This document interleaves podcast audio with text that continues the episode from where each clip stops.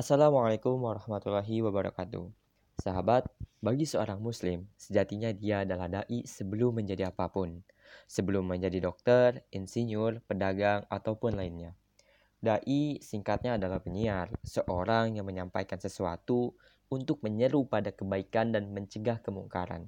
Jadi, sudah menjadi kewajiban bagi seorang muslim untuk menjadi seorang dai, kecuali ya bukan seorang muslim. Hehe. Dan hal apa aja sih yang bisa kita perbuat meskipun latar belakang kita bukan lulusan pesantren ataupun tidak bergelar LC. Banyak banget yang bisa kita lakuin, terutama di dunia serba digital ini. Bisa lewat tulisan, lewat video, ataupun hanya lewat suara. Dan paling minimal banget, kita cukup share postingan orang lain. Contohnya postingan ini. Hehe, enggak, itu bercanda. Nah, cukup mudah bukan? Semangat. Assalamualaikum warahmatullahi wabarakatuh.